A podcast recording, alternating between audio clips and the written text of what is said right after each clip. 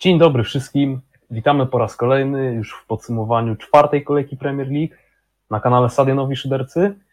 Co prawda dzisiaj znowu nie jesteśmy w pełnym gronie, ale wróciłem ja dla Was jako Wasz prowadzący tutaj.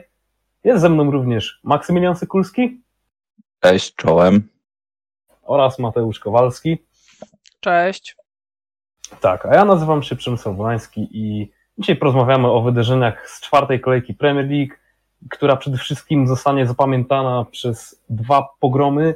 Jeden z nich to pogrom Erlinga Halanda, który strzelił hat w drugiej połowie Manchesteru City z Crystal Palace, a drugi to pogrom Liverpoolu, który aż 9-0 zlał Bournemouth e, na Anfield, odgryzając się tak naprawdę po tych dwóch nieudanych spotkaniach, e, przepraszam, trzech nieudanych spotkaniach w trzech pierwszych kolejkach, ale zanim do tego dojdziemy, to zaczniemy od pierwszego meczu, gdzie na St. Mary's Stadium o godzinie 13.30 w sobotę, po takim dość troszkę nużącym spotkaniu, gdzie nie za dużo się działo, Manchester United pokonuje 1-0 Southampton po bardzo ładnym półwoleju w wykonaniu Bruno Fernandesza. No, ja w kwestii tego meczu mam na pewno parę swoich spostrzeżeń, ale najpierw tutaj dam się rozwinąć chłopakom. Co sądzicie o tym spotkaniu? No, myślę, że to spotkanie nie należało do najbardziej porywających. United myślę, że uda, najważniejsze jest to, że wywiozło z tego spotkania trzy punkty, gdyż nie zagrało znowu perfekcyjnego spotkania, ale no jednak no Southampton nie było też jakimś poważnym rywalem, e, mimo iż stworzyło sobie dosyć dużo mm, sytuacji. E, i czasem no, w pewnych momentami to pachniało golem, czy to na jeden, e, e, żeby wyrównać wynik spotkania, no ale koniec końców United jakoś dowiozło to skromne zwycięstwo. No, myślę, że, że no, nad tym się głównie trzeba cieszyć, ale no jednak styl pozostawia jeszcze wiele do życzenia. Cieszy na pewno pewnie kibiców United bramka Bruno Fernandesza po nie wiadomo jakim czasie. E, to jest myślę jakiś jeden z pozytywów. No i to, że udało się zachować czyste konto po raz pierwszy w sezonie. E, no ale Southampton też nie zagrało złego spotkania, myślę, na tle United, więc też myślę, mogą mieć powody do zadowolenia, mimo że przegrali to spotkanie. E, tam kilku zawodników na pewno się wyróżniło w, w tym spotkaniu. No i myślę, że tutaj więcej nie ma co rozpowiadać o tym spotkaniu. Ciekawy moment to powiedzmy debiut Casemiro Zagrał tam 15 e, minut, bo chyba przed 80 minucie. Niewiele tam dużej klasy pokazywał, ale no jest to chyba najciekawszy element tego spotkania. Zaraz obok tego, że mimo to, że ten Hach tak długo prowadził właśnie Vandenbecka e, w Ajaxie, to co na niego nie stawia i nie wygląda jakby miał zacząć na niego stawiać, bo nawet się e, jego rodak nie, że tak powiem, z ławki nawet nie wstaje co jest dosyć zaskakujące mimo wszystko. A na, dla dobra właśnie United można powiedzieć, że Harry Maguire też już nie wstaje z ławki rezerwowych, więc. To I oby nie wstawał, póki co jak najszybciej, oby nie wstawał. Czołem, który jak zacytuję pewnego naszego wspólnego kolegę jest ulany. I to chyba pokazuje, jaki, jaki, jaki poziom ze sobą reprezentuje. No a z minusów całego spotkania to Jan Bednarek również nie wstał z ławki rezerwowych ale... Czy, czy to jest plus dla Southampton, rozumiemy, tak? Polskiej kadry, o tak bym powiedział. A. No ale Jan Bednarek to się szykuje, żeby wstać, ale na ławce Aston Villa już przecież, to dlatego myślę, nie był uwzględniony na to spotkanie. Pewnością. Mam nadzieję, że, że to, to jest właśnie ten powód. Znaczy kwestia jest taka, że no, mi się wydaje, że ciężko może być wrócić Bednarkowi do podstawowej jedenastki Southampton, patrząc na to, jaki mecz na przykład zanotował y, Bela Koczap, który jest nowym transferem, którego chciałem właśnie tutaj wyróżnić z ekipy świętych. Który, patrząc na to, że Southampton przegrał ten mecz 1-0, ja i tak bym, jestem w stanie powiedzieć, że jakbym miał z dwóch drużyn wybierać jakiegoś jednego najlepszego zawodnika spotkania, to chyba jemu bym dał nawet tą nagrodę. Fantastyczny mecz. Y, no i Salis też mi się wydaje, że pewniej wygląda niż y, Bednarek. Więc coś czuję, że ta przygoda Jana Bednarka w Southampton, no to pod dużym znakiem zapytania póki co jest. W kontekście Manchesteru United, no to solidniej to wyglądało znowu w defensywie. No, wydaje mi się, że w końcu ja jako kibic m, mm, mogę się cieszyć, że mam e, jakby to powiedzieć, zawodników aktywnych w tej obronie, czyli właśnie nie tą taką mozolną lewą stronę obrony zlepioną z Shaw'a i Maguire'a, tylko no jak ja to powiedziałem na, tym, na naszym czacie grupowym w dniu tego spotkania, takie dwa pitbulle biegające, czyli ten Martinez na lewym środkowym obrońcy z, i, i Malasia na lewej obronie. No i ten Martinez z Varanem też na razie fajnie wygląda. Dalot pokazał się z o wiele lepszej strony, bo wydaje mi się, że w tym meczu akurat z Liverpoolem ten nie grał super. Ważne, że Bruno się gdzieś tam pokonał tą swoją niemoc strzelecką na pewno, ale atak zostaje, zostawia jeszcze duże do życzenia. No, tak, anonimowy dość występ Markusa Rashforda, średni występ Elangi, Sancho fajnie grał, co prawda w pierwszej połowie z Eriksenem, chociaż w drugiej też trochę przygasł, no ale mm, no, no, że tak powiem, ten Sancho jeszcze był w miarę widoczny w pierwszej połowie, bo Rashforda i Elangi, no to po, poza tą okazją Elangi, no to ja ich nie widziałem na boisku tak naprawdę. I zobaczymy, jak tę sytuację rozwiąże Erik ten Hag. Też mi się wydaje, że nie ma co wyciągać pochopnych wniosków, bo no jednak troszkę ta drużyna potrzebuje czasu. A w kontekście problemów w ataku, no to takie pytanie teraz wyciągnę, bo w momencie, w którym to nagrywamy, już zostało ogłoszone przez topowych dziennikarzy transfer Antonego za łączną kwotę około 100 milionów euro, która wydaje się no, niesamowitym absurdem, no ale znamy obecne środowisko rynku transferowego i, że tak powiem, się spytam, jak wy chłopaki widzicie ten transfer oraz y, to, jak on się może wkomponować w zespół Erika Tenhaga? Jest to duże wzmocnienie potencjał, potencjału w ofensywie, co by nie mówić, bo patrząc na obecny skład Manchester United, to żaden z tych trzech y, stricte napastników, mam na myśli Elanga, Rashforda czy Sancho, nie są w takiej formie, żeby powiedzieć, że z góry mogą być pewnie o pierwszą jedenastkę, więc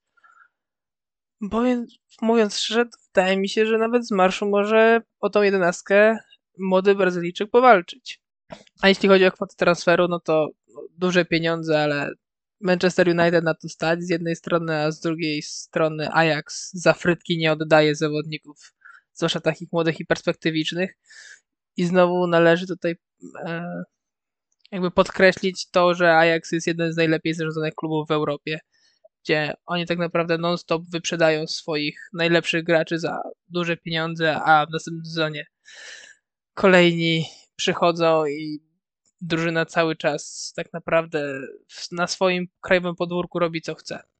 No, myślę, że na pewno ten zawodnik przyda się w United, jeśli spojrzymy też na to, jak w sumie właśnie no, słabo na razie wygląda, wygląda atak United pod kątem tych goli, czy, czy nad widoczności i, i tym, jak poruszają się na boisku, czy to Rashford, czy Sancho, że no jednak to nie są, nie są tacy zawodnicy, na których przynajmniej na razie tak no nie wyglądają jakby na tych swojej jakiejś, żeby byli w jakimś okresie swojej formy.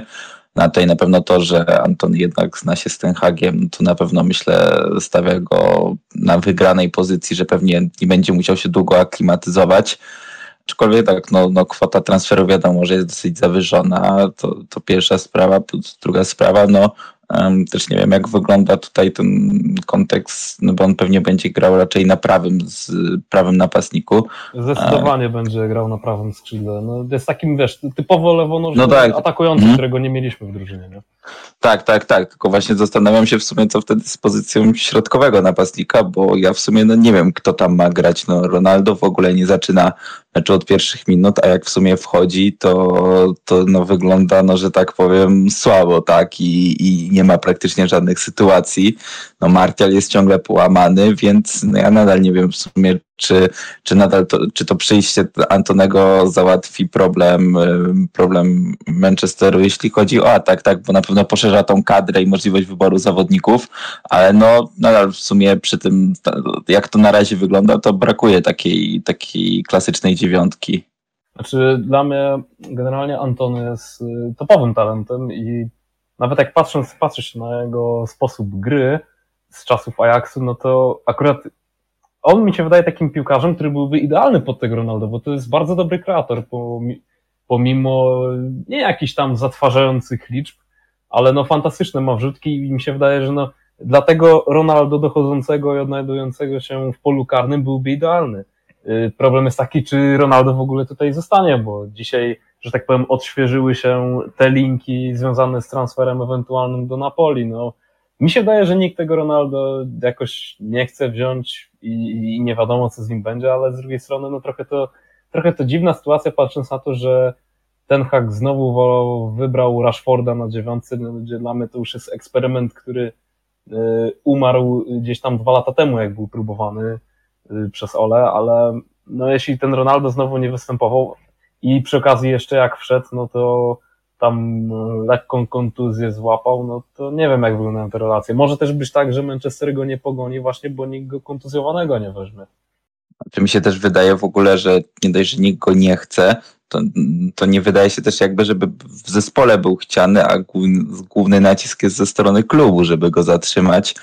E, nie wiem, czy to z kwestii wizerunkowych, czy jakichś takich y, no nie, no ciężko mi powiedzieć, tak, ale no na razie no dla mnie to wygląda właśnie jakby on był bardziej ze względu na to, że klub naciska na, na, na ten Haga, gdzie on tak, tak naprawdę myślę, że nawet byłoby mu to na rękę, gdyby Ronaldo po prostu odszedł z tego klubu i, i po prostu mógł się skupić na ten, e, no na, na pracy z tymi zawodnikami, którym, którym jakoś zależy na tym, żeby pozostać i mają jakąś przyszłość, tak, w perspektywie kilku lat też w sumie właśnie pytanie, jak też Anton sprawdzi się w Premier League, bo jednak no nie było, było jednak kilku takich zawodników, chociażby Bergwijn, którzy przychodzili z Ligi Holenderskiej, a jednak w Premier League totalnie się nie sprawdzali, więc też jestem w sumie ciekawy. No w sumie Dony van de Beek też, też jakby nie widać, mimo że właśnie tak jak Kowal wspomniał, jest, jest pod swoim, że tak powiem, trenerem, którego, który każdy myślał, że będzie grał pierwsze skrzypce, a nadal tych skrzypiec nie gra. Więc to jest w sumie też ciekawe, jak, jak w ogóle to będzie wyglądało. Wiesz, daleko nie szukając, masz jeszcze Ciesza w Chelsea, który który przychodził też za e, będą w dobrej formie, a ciężko powiedzieć, żeby ta przygoda w Londynie była jakoś mega udana. Nawet jak Chelsea zdobywało tą Ligę Mistrzów, to nawet e, nie był jedną z głównych postaci w drużynie Tuchela i tak naprawdę nigdy nią nie był, więc no, czasami się odbijają nawet i największe talenty z Ajaxu. No, kwestia Antonego to jest na pewno coś, co będziemy śledzić w najbliższych tygodniach, czy nawet miesiącach. E, zwłaszcza, że on też e, no, będzie raczej naciskał i myślę, że ten hak nie bez powodu na niego takie fundusze wykłada, żeby on z buta wszedł do tej jedenastki.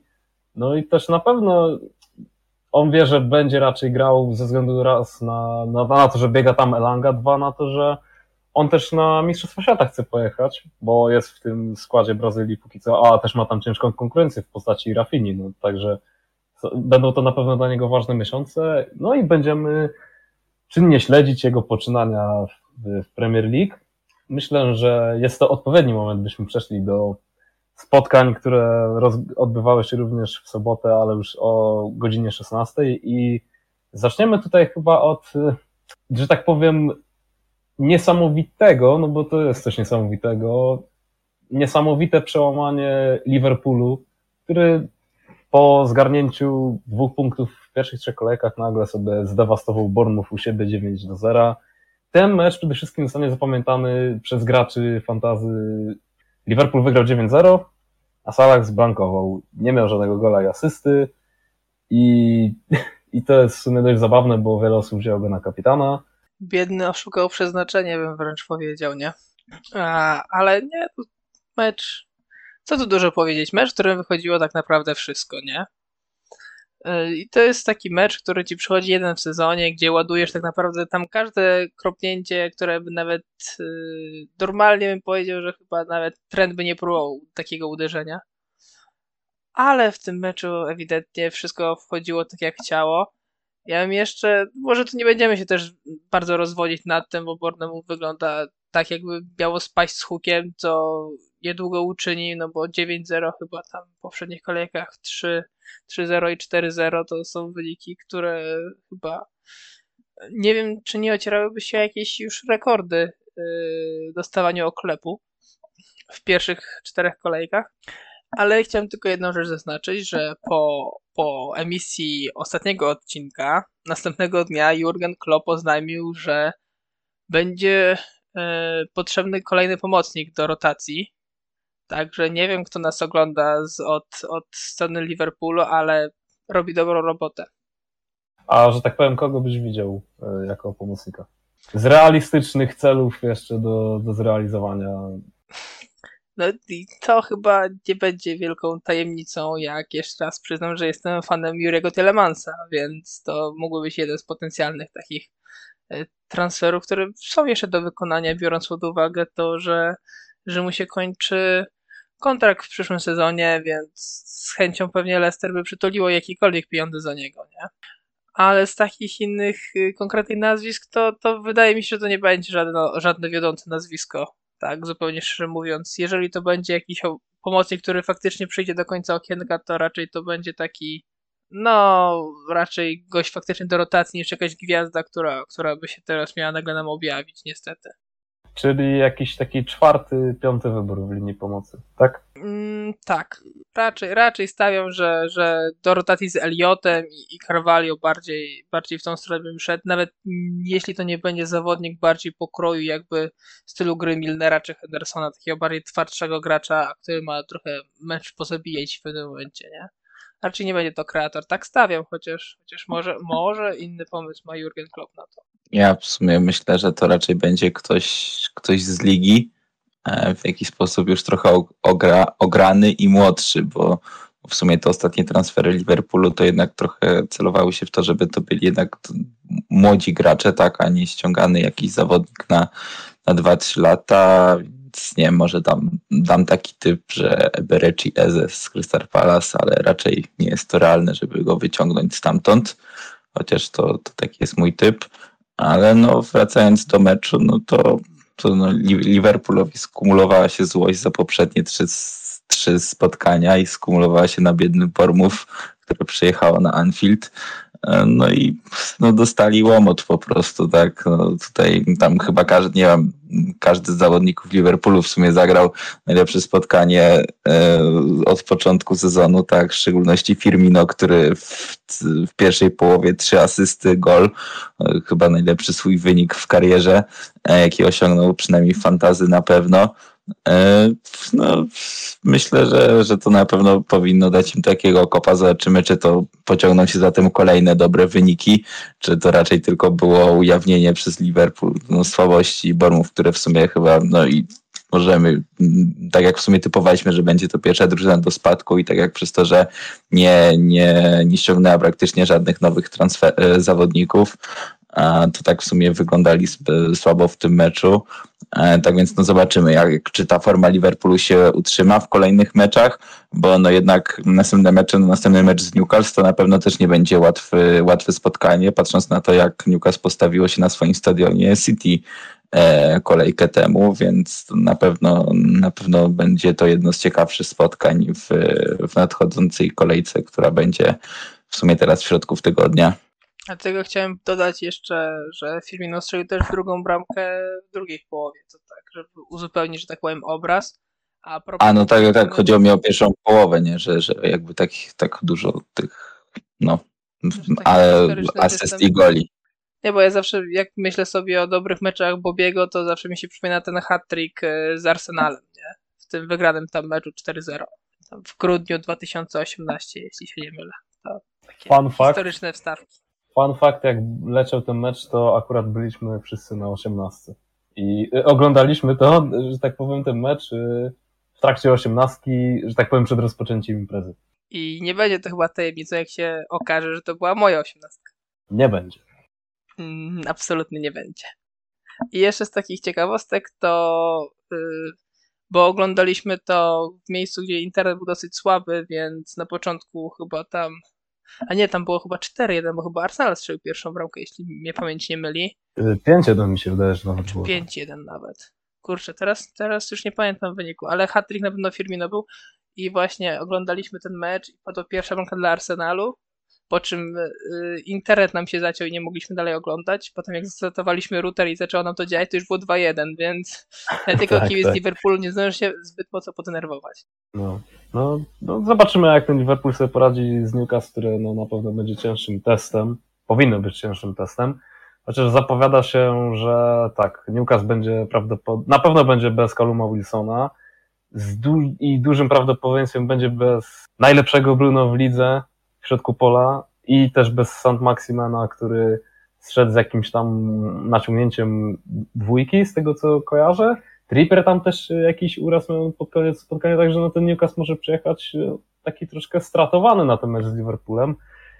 Więc akurat bym się spodziewał zwycięstwa Liverpoolu, ale no zobaczymy jak, jak sobie poradzą i czy, czy to przełamanie zbornów będzie jakimś początkiem naprawdę dobrej serii. Przejdziemy chyba teraz do meczu, w którym mm, Erling Haaland pokazał wszystkim, jakim jest kosmitą tak naprawdę, bo jego wyczyny moim zdaniem są niesamowite. Czyli mecz, w którym Manchester City wygrał 4 do 2 z Crystal Palace mm, na własnym stadionie, gdzie przegrywał 2 do 0 i zrobił no, niesamowity comeback w drugiej połowie, gdzie Erling Haaland popisał się hat-trickiem i zmiótł tych obrońców Palace jak jakieś, nie wiem, zapałeczki.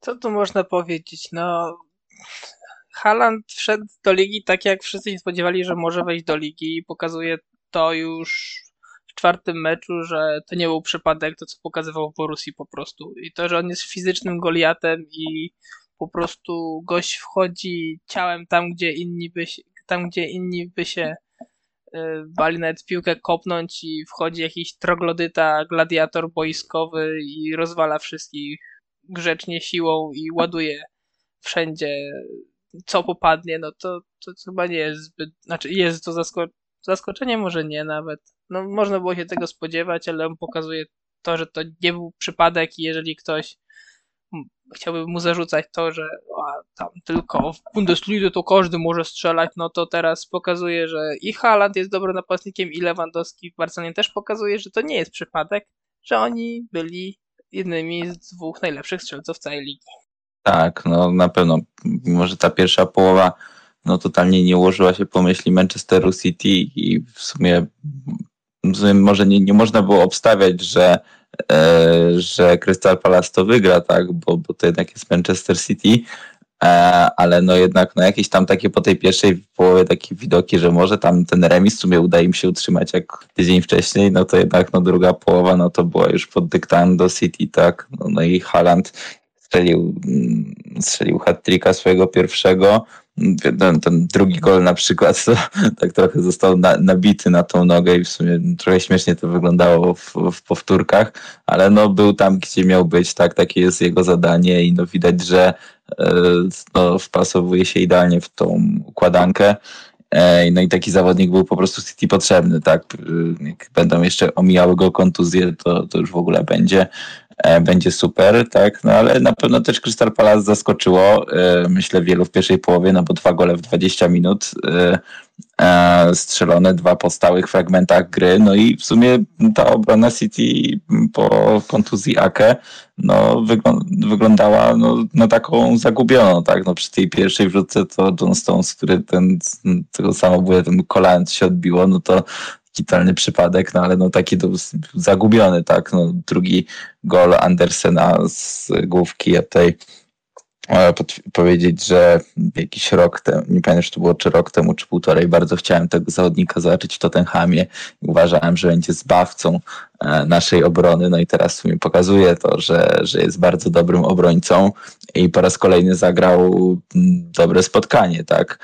E, więc tutaj no na pewno na pewno obrona City potrzebuje, znaczy no jest do poprawy na pewno, że tak powiem. Cancelo też trochę zagrał niewidoczny mecz e, i to już chyba taki drugi z rzędu. E, więc tutaj no, no nie jest to już taka żelazna defensywa, jak to było w poprzednim sezonie. Znaczy, no, akurat bym powiedział, że przy drugiej bramce faktycznie było słabo krycie. Ten, Anderson w ogóle sam tam stał w tym polu karnym pierwsza bramka, no to jakieś kuriozum, ale generalnie ja akurat tak śledziłem troszkę bardziej ten mecz City z tych wszystkich multiligi i prawda jest taka, że Manchester City w tej pierwszej połowie też wyglądał bardzo dobrze, a te dwie bramki to dosłownie padły po jakichś takich wypadach Palace tam. Posiadanie z tego co pamiętam, z tego co widziałem w pierwszej połowie to wynosiło powyżej 75%, także yy, no to jakiś wypadek przy pracy był. No może faktycznie nie są aż tacy żelażni. też co do tego, co Max mówił o Cancelo, no to ten jego udział w akcjach ofensywnych City jest troszkę mniej zauważalny od początku sezonu. Jest to może jakaś tam uwaga do graczy fantazy, że może nadejść taki moment, gdzie będziemy rozważać zejście z tego Cancelo, a w kontekście Manchesteru City, no to co możemy powiedzieć? No wielki Erling Haaland y, i jest to jakaś chora maszyna.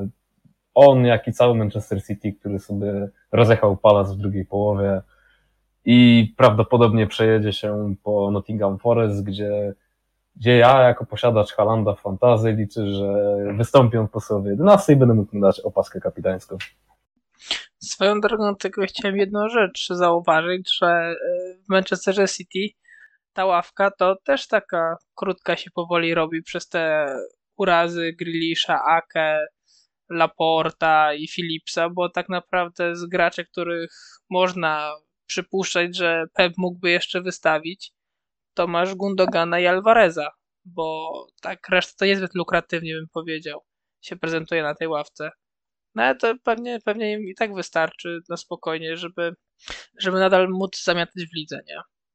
Ale chciałem jeszcze jedną rzecz e, też kolejną podkreślić czy zauważyć dla tych, co nie oglądali meczu i patrzą tylko na bramki i statystyki, to co zrobił Ederson przy, przy domniemanej bramce na 3-0 dla, dla Crystal Palace, gdzie sędzia dopatrzył się faulu, i jeśli ktoś z Was e, wie o co chodzi, dlaczego tam był odwiedzony faul, to napiszcie proszę w jakichś komentarzach czy, czy gdzieś, bo ja do teraz nie wiem o co tam chodzi.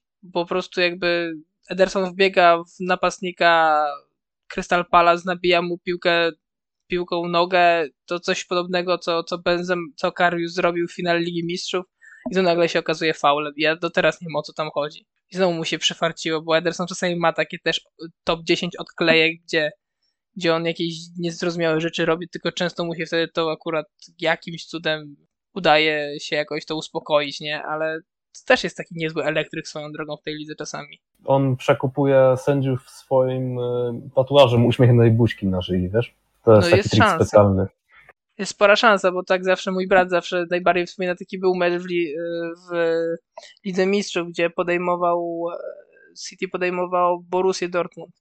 I chyba Borussia wtedy przegrała albo zremisowała, bo też był jakiś domniemany faul Juda Bellingama gdzieś w środku pola, gdzie chyba w ogóle gościu go nawet nie dotknął, nie? No, Więc no, tak, no, no. Kojarzę, kojarzę, kojarzę to nawet. Tak, tak wysoko nogę miał uniesioną, tylko ona była tak wysoko, że tam nie wiem, ileś tam centymetrów od Edersona, który też wtedy tam zaczął się jakoś dziwnie bawić z piłką i, i go dogonił, nie? Więc no troszeczkę taki jest elektryk, ale to chyba domena brazylijskich bramkarzy w tej lidze. A ja jeszcze tylko wrócę, Przemek, do tego, co o Crystal Palace, to bardziej mi chodziło to, że po prostu wyglądali w pierwszej połowie na takich bardziej zorganizowanych i czujnych defensywie, a w sumie w drugiej połowie to się trochę posypało też przez to, że Tyreek Mitchell szedł z kontuzją na samym początku i po prostu potem już ta defensywa nie wyglądała tak szczelnie e, jak w pierwszej połowie.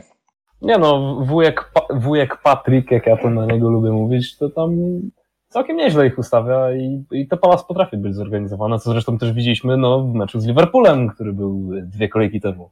Także nie, mi się wydaje, że mi się wydaje, że ciężko przede wszystkim jakąś drużynę y, cisnąć za to, że przegrała z Manchesterem City, bo Manchester City to jest Manchester City.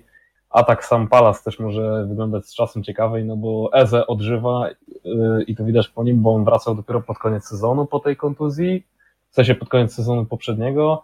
Zachy nie było, też trzeba wziąć to pod uwagę, jak Zacha będzie zdrowy, no to, to, to, to Palace może jeszcze zacząć w ataku gdzieś tam zachwycać. W kontekście innych spotkań, jakie się również odbyły tego dnia, no to mieliśmy mm, mecz na Stamford Bridge, gdzie Chelsea wygrało 2 do 1 z Leicester po dwóch bramkach Rahima Sterlinga. Co ciekawe, Chelsea wygrało ten mecz po czerwonej kartce wcześniej Conora Gallaghera.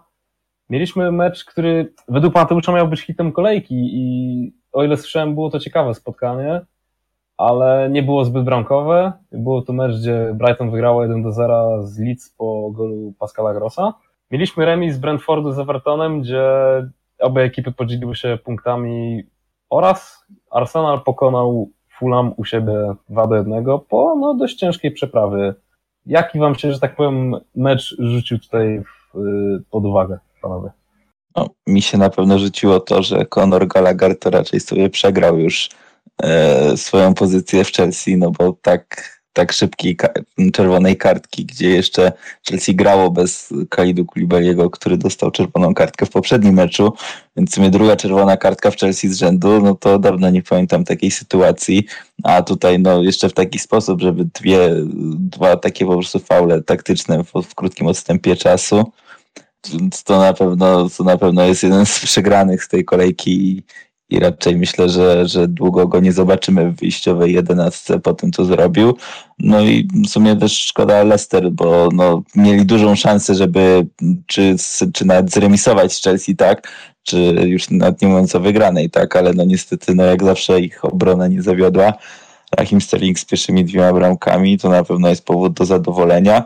E, no ale no myślę, że to mecz, z którego mało można wyciągnąć jakichś wniosków dla Chelsea, bo przez to, że grali jednak w osłabieniu cały czas i, i trochę jednak skupiali się jednak na bronieniu niż, niż atakowaniu jakimś bardziej ofensywnym. No ale też e, w, na pewno ten mecz Arsenalu, tak, to jest jeden z takich, bo no jednak no, wymęczył strasznie Arsenal ten wynik i nie było wcale pewne, że, że, że wygra i te gole też padły po takich no, rykoszetach.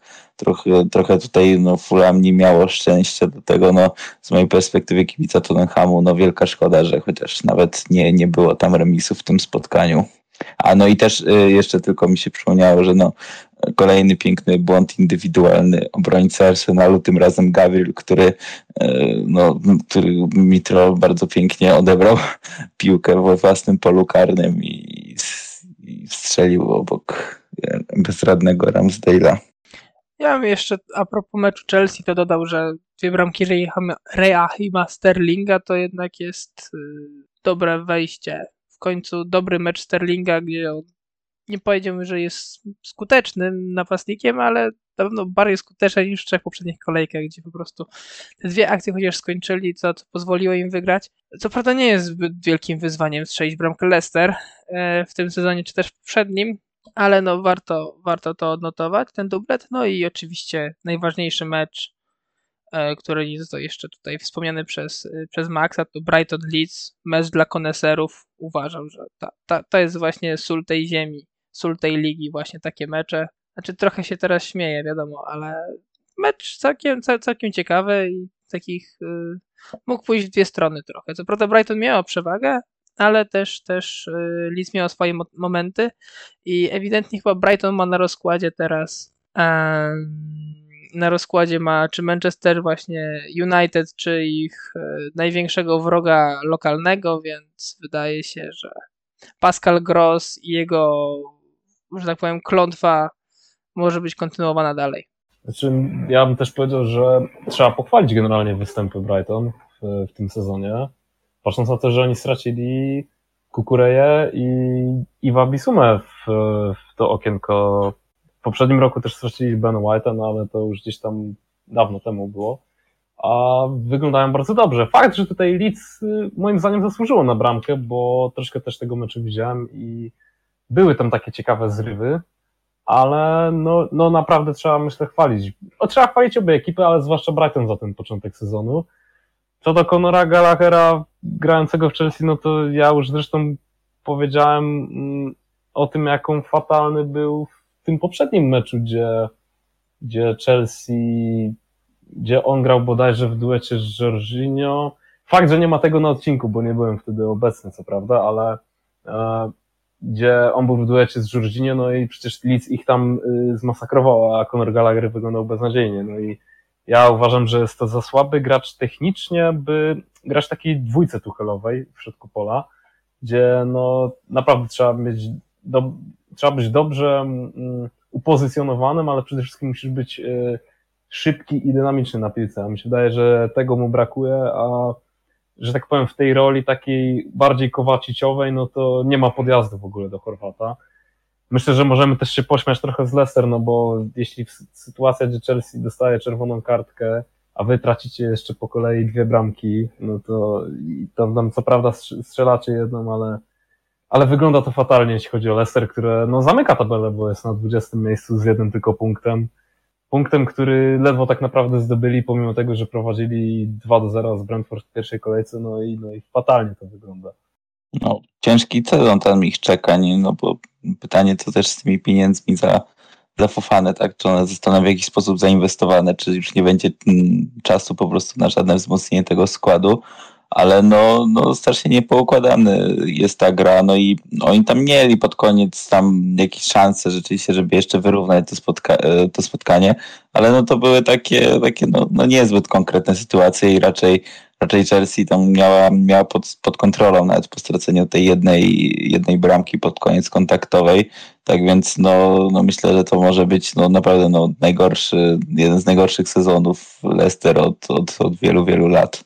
Od momentu powrotu do ligi pewnie. No, no, to, tak, tak bym obstawiał. No bo tak. to naprawdę, to tam nie widać żadnych pozytywów w ogóle w tej, w tej grze i tak naprawdę te spotkania, które mieli pod przecież Southampton tak samo wygrywali, tak? Czyli spotkania, czy spotkania tak naprawdę, w których wygrywali, tak? Albo to, to jak z Chelsea, no mieli od początku ułatwione zadanie, powinni wywieźć stąd jakiś przynajmniej punkt, punkt za remis, a no skończyło się na, na przegranej kolejnej. No takim dużym pozytywem i chyba jedynym jest James Madison, nie? który ma gdzieś tak formę od prawie roku, ale no ma co chwilę jakieś problemy zdrowotne mniejsze, więc nie zawsze są z niego w stanie w pełni korzystać. Jur Juriemu się już tam nie chce grać. Wardi z roku na rok jest coraz starszy. Ja wiem, że Wardi robi fajne liczby, ale no, no Leicester nie wygląda fajnie. I obrona Barnes jest dalej... też ma kontuzję, nie? To, no, to Barnes, też... Barnes też się regularnie łamie i, i no, wygląda, wygląda fatalnie, zwłaszcza ta obrona w Leicester. Yy, zapomniałem odnotować tego, co tutaj Max przytoczył, czyli właśnie tego, że też w czasie weekendu przeszedł jakby, nie jest on jeszcze oficjalnie ogłoszony, ale przed ten transfer mm, Fofany do Chelsea, który prawdopodobnie będzie grał na prawym środkowym obrońcu, co wiemy, co to oznacza, co może to oznaczać w kontekście Chelsea w najbliższych tygodniach i, i tego, że ich gra ofensywna może się troszkę poprawi, patrząc na to, że Rhys James powinien w końcu biegać cały czas na wahadle. No, raczej na pewno będzie, bo też Hudson Odoi został ogłoszony w Bayer, e, w Leverkusen, więc myślę, że to będzie takie naturalne przesunięcie go na prawe wahadło z powrotem. Tak, a my, my Risa Jamesa na wahadle uwielbiamy i wiemy, czym to grozi, jeśli się go w fantazji swoim nie posiada. Przejdziemy jeszcze do spotkań niedzielnych, gdzie były to trzy mecze. W jednym z nich Wolves zremisowało 1 do 1 z Newcastle. Po bramkach tam, tam warto wyróżnić przede wszystkim bramkę Alanson Maximana, który strzelił jakiegoś kosmicznego w ogóle woleja, ale ta piłka tak leciała, że tak powiem, na wysokości prawie aż dachu stadionowego była i spadła, a wjechał w to na pełnym speedzie. A pierwszą bramkę dla, jedyną bramkę w tym meczu dla Wolves zdobył Ruben Neves, też ładnym strzałem za pola karnego. West Ham, który pokonał y, na Villa Park Aston Villa 1 do 0 po bramce Fornalsa oraz Tottenham, który po dublecie Harry'ego Kane'a wygrywa na, na stadionie Nottingham. I czy wy macie coś do dodania o tych spotkaniach? Na pewno Max będzie miał coś do powiedzenia, do powiedzenia o spotkaniu Tottenhamu. Tak, no to Myślę, że na pewno do odnotowania jest fakt, że Harry Kane po czterech latach spudłował karnego, a raczej no, strzelił go źle, bo Henderson go, e, go obronił. No, myślę, że na pewno do, dobre było to spotkanie e, pod względem oglądalności, tak, bo, bo dużo się działo w tym meczu, ale no, spotkanie pod kontrolą.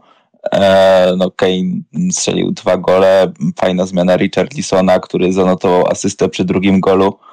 E, więc to jest na pewno plus. E, no na, min, e, na minus oczywiście kolejny chyba od początku już czwarty mecz, gdzie Son gra znowu beznadziejne spotkanie i poza jednym takim sytuacyjnym strzałem nic, nic nie wniósł do tej gry, więc no już tak naprawdę, no naprawdę no, liczymy, liczę na tego Richarlisona od pierwszej minuty, bo prezentuje się naprawdę fajnie od kiedy wchodzi i, i myślę, że jest duża szansa na to, że zobaczymy Richarlisona E, w meczu teraz z West Hamem od pierwszej minuty.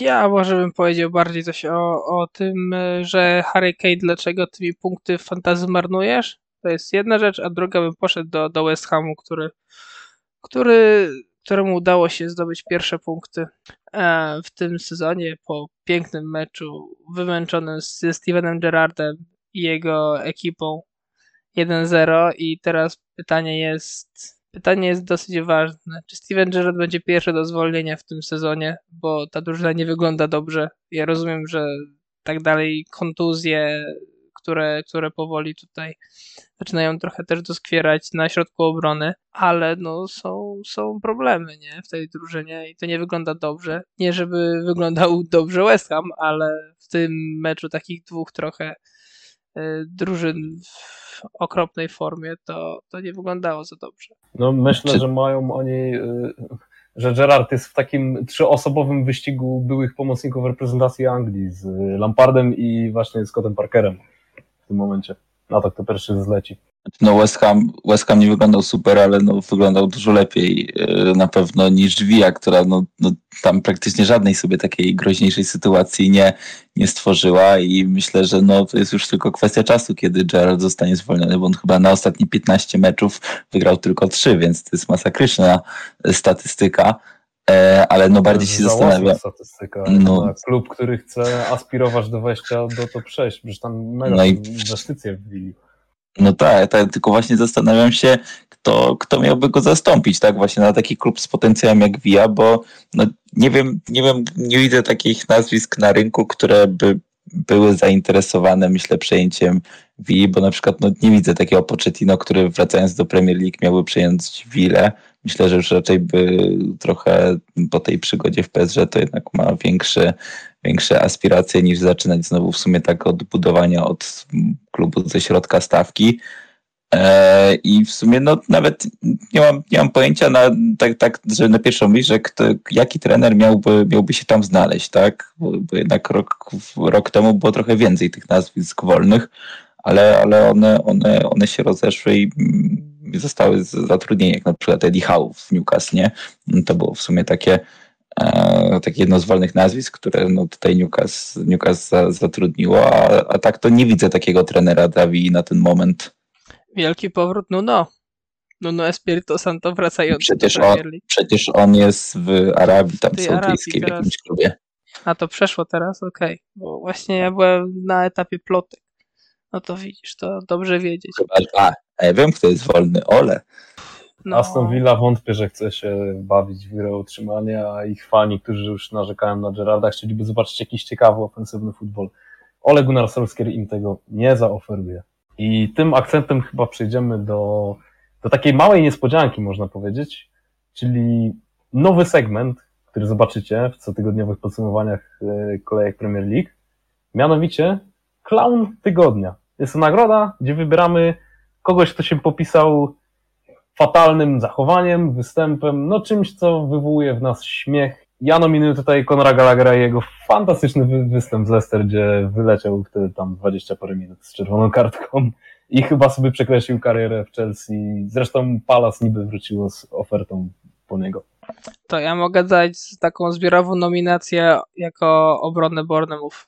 Tak, a ja tutaj jako nominację daję y, angielskich dziennikarzy ze Sky Sports, czy, czy też byłego, y, byłego zawodnika Liverpoolu, którzy skrytykują namiętnie od wczoraj e, żonglowanie Richardsona podczas meczu z Nottingham Forest i, i, i w ogóle wysuwają jakieś teorie, że to powinien być w ogóle rzut wolny dla, dla Nottingham Forest za takie zachowanie i pochwalają zachowanie Johnsona, który go skasował.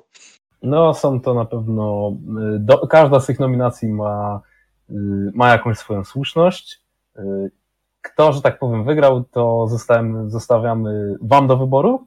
Chyba na sam koniec możemy przejść do omówienia naszych składów fantazy. No i muszę przyznać, że fantazy przez to, jak y, przez to, jak wypadają e, wszystkie mecze oraz y, jak, że tak powiem, punktują dani zawodnicy i przez złe wyceny, no to zrobiłaś to gierka bardzo nudna. No, u mnie Sanchez na bramce 8 punktów, fajnie. Trent 17 punktów, Cancelo z Blankiem, szkoda. James i Perisic 7 i 6 punktów, no i tak naprawdę każdy ma bardzo mocną defensywę i, i mało co się zmienia. Ja co prawda tutaj zrobiłem taki ciekawy ruch, że że minus 4 za Masona Mounta i za Archera i sobie przyszedłem na trzech napastników. Tony zblankował akurat y, jako ten nowy napastnik oraz mój nowy transfer w pomocy, czyli Rodrigo także zblankował. Sark na kapitanie, którego miał każdy zblankował, co no, też pozostaje memem i równie dobrze mogliśmy go nominować do tej nagrody Klauna, patrząc na to, jakie dwie okazje zepsuł w tym spotkaniu. Martinelli zblankował, ale no jest, że tak powiem, fantastyczna jest jego cena w stosunku do jakości, więc nie ma co się przejmować. A w ataku jeszcze oprócz tego blankującego, Toneja, no to Haland z 17 punktami, fantastyczny występ i Jezus tylko z jednym punktem, ale no nikt nie ma odwagi go sprzedać. I tak jak już powiedziałem, FPL zrobił się troszkę taką nudną gierką. No, ja nie mam planów na żaden transfer i wielu graczy przepala te transfery regularnie. No, jeśli chodzi o mnie, to u mnie również była dosyć nieudana kolejka. E, no Sanchez na bramce 8 punktów, Trent 17, Cancelo 1, James 7 i Kukureja 5, więc tutaj no, na obronie fajne punkty. E, zrobiłem w sumie te same transfery co Przemek, czyli e, też wziąłem Rodrigo za Mounta i Toneja za 4,5 e, milionowego napastnika i o ile Rodrigo wydawało mi się, że no, jakby jest szansa, że no raczej no, że nie strzeli gola na wyjeździe w Brighton, to o ile Tonej na Everton tylko z dwoma punktami to mnie trochę zawiódł i tutaj ten ruch za minus 4 na razie się nie opłacił. Salah na kapitanie z Blankiem, no, czyli tak jak każdy. Martinelli dwa punkty, Jesus jeden, e, czyli też tutaj dwaj zawodnicy, których w sumie każdy teraz ma. E, no i Kane z dziesięcioma punktami. Kane gdyby trafił tego głupiego karnego, to miałby tyle samo punktów, co, co Haaland taki. Byłoby, byłoby super, a tak to jednak jest niedosyt i znowu kolejna kolejka w pojedynku napastników Haaland versus Kane, gdzie, gdzie Haaland z punktami jest do przodu od Kane'a i to dosyć sporo, tak, bo to aż 7 punktów różnicy. No jeśli chodzi o transfery, to, to nie planuję żadnych na tą kolejkę, nawet nie mam też żadnych możliwości, bo, bo mam tylko 0,1 miliona w banku, więc nawet nie, nie wiedziałbym kogo zmienić. Zobaczmy jak to będzie w kolejnej kolejce. No a kapitan pewnie Salah. No to chłopacy to omówili chyba cały skład y, mój. Zawsze to jest tak chyba, że ja się wypowiadam ostatni, więc zawsze się kończy na tym, że no to ja już nie będę powtarzał. Ale ja mam jedynie Gundogana e, z takich rzeczy, które pozmieniałem. To właśnie wszedł, wszedł Gundogan za Neto. Że tak powiem, wymiana z kategorii trochę nietrafionych pod tym względem, że Właśnie Ikaj zaczął mecz na ławce rezerwowych, ale te trzy punkty za asystę dostał, więc jest to jakieś, jakieś, jakieś małe punkciki są. No, a na jak, jaka może być jeszcze inna rzecz na następnej kolejce? No, kapitanem zupełnie zostanie Mohamed Salah, bo Mohamed Salah zawsze musi być kapitanem, nie da się inaczej. A nie Więc... kusi cię ten Gundogan? Mnie by kusił na przykład. Mówiąc zupełnie szczerze, no niby też, biorąc pod uwagę to, że, że najprawdopodobniej wystąpi w kolejnym spotkaniu, bo dał dobrą zmianę, a na przykład taki Mares to tak średnio bym powiedział i pewnie jakieś będzie zmienienie ustawienia, żeby, że może i Gundogan wrócił, zwłaszcza, że, że właśnie tak jak mówiłem, dał dobrą zmianę. Ale czy, czy nie, no Momo jednak to jest taki high risk, high reward trochę, nie? Że tam mogą być te dwie, dwie bramki, a Gundogan raczej, raczej dwóch nie strzeli, ale Zobaczymy, jeszcze pomyślę. Podumam trochę nad którymś z tych rozwiązań. Pewnie tak się okaże, że które nie wybiorę jest, jest będzie, będzie złe. No ale... Pewnie, pewnie. No, Salach zawsze jest tym bezpiecznym rozwiązaniem. Mm, pamiętacie również, że deadline jest jutro, czyli na, teoretycznie jak to oglądacie, no to deadline y, już prawdopodobnie minął, ale są we wtorek o 19, ponieważ mamy tym momencie kolejkę w środku tygodnia Premier League która się zaczyna o 20.30 e, we wtorek. I no, co ja to mogę powiedzieć? Dziękuję Wam chłopaki za rozmowę, dziękuję Wam widzom za odsłuch, śledźcie nas na naszym fanpage'u, na TikToku, subskrybujcie ten kanał, lajkujcie nasze wideo, zostawiajcie komentarze.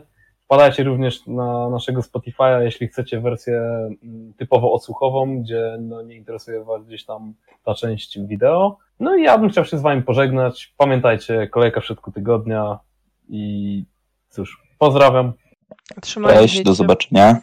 Trzymajcie się ciepło, pa.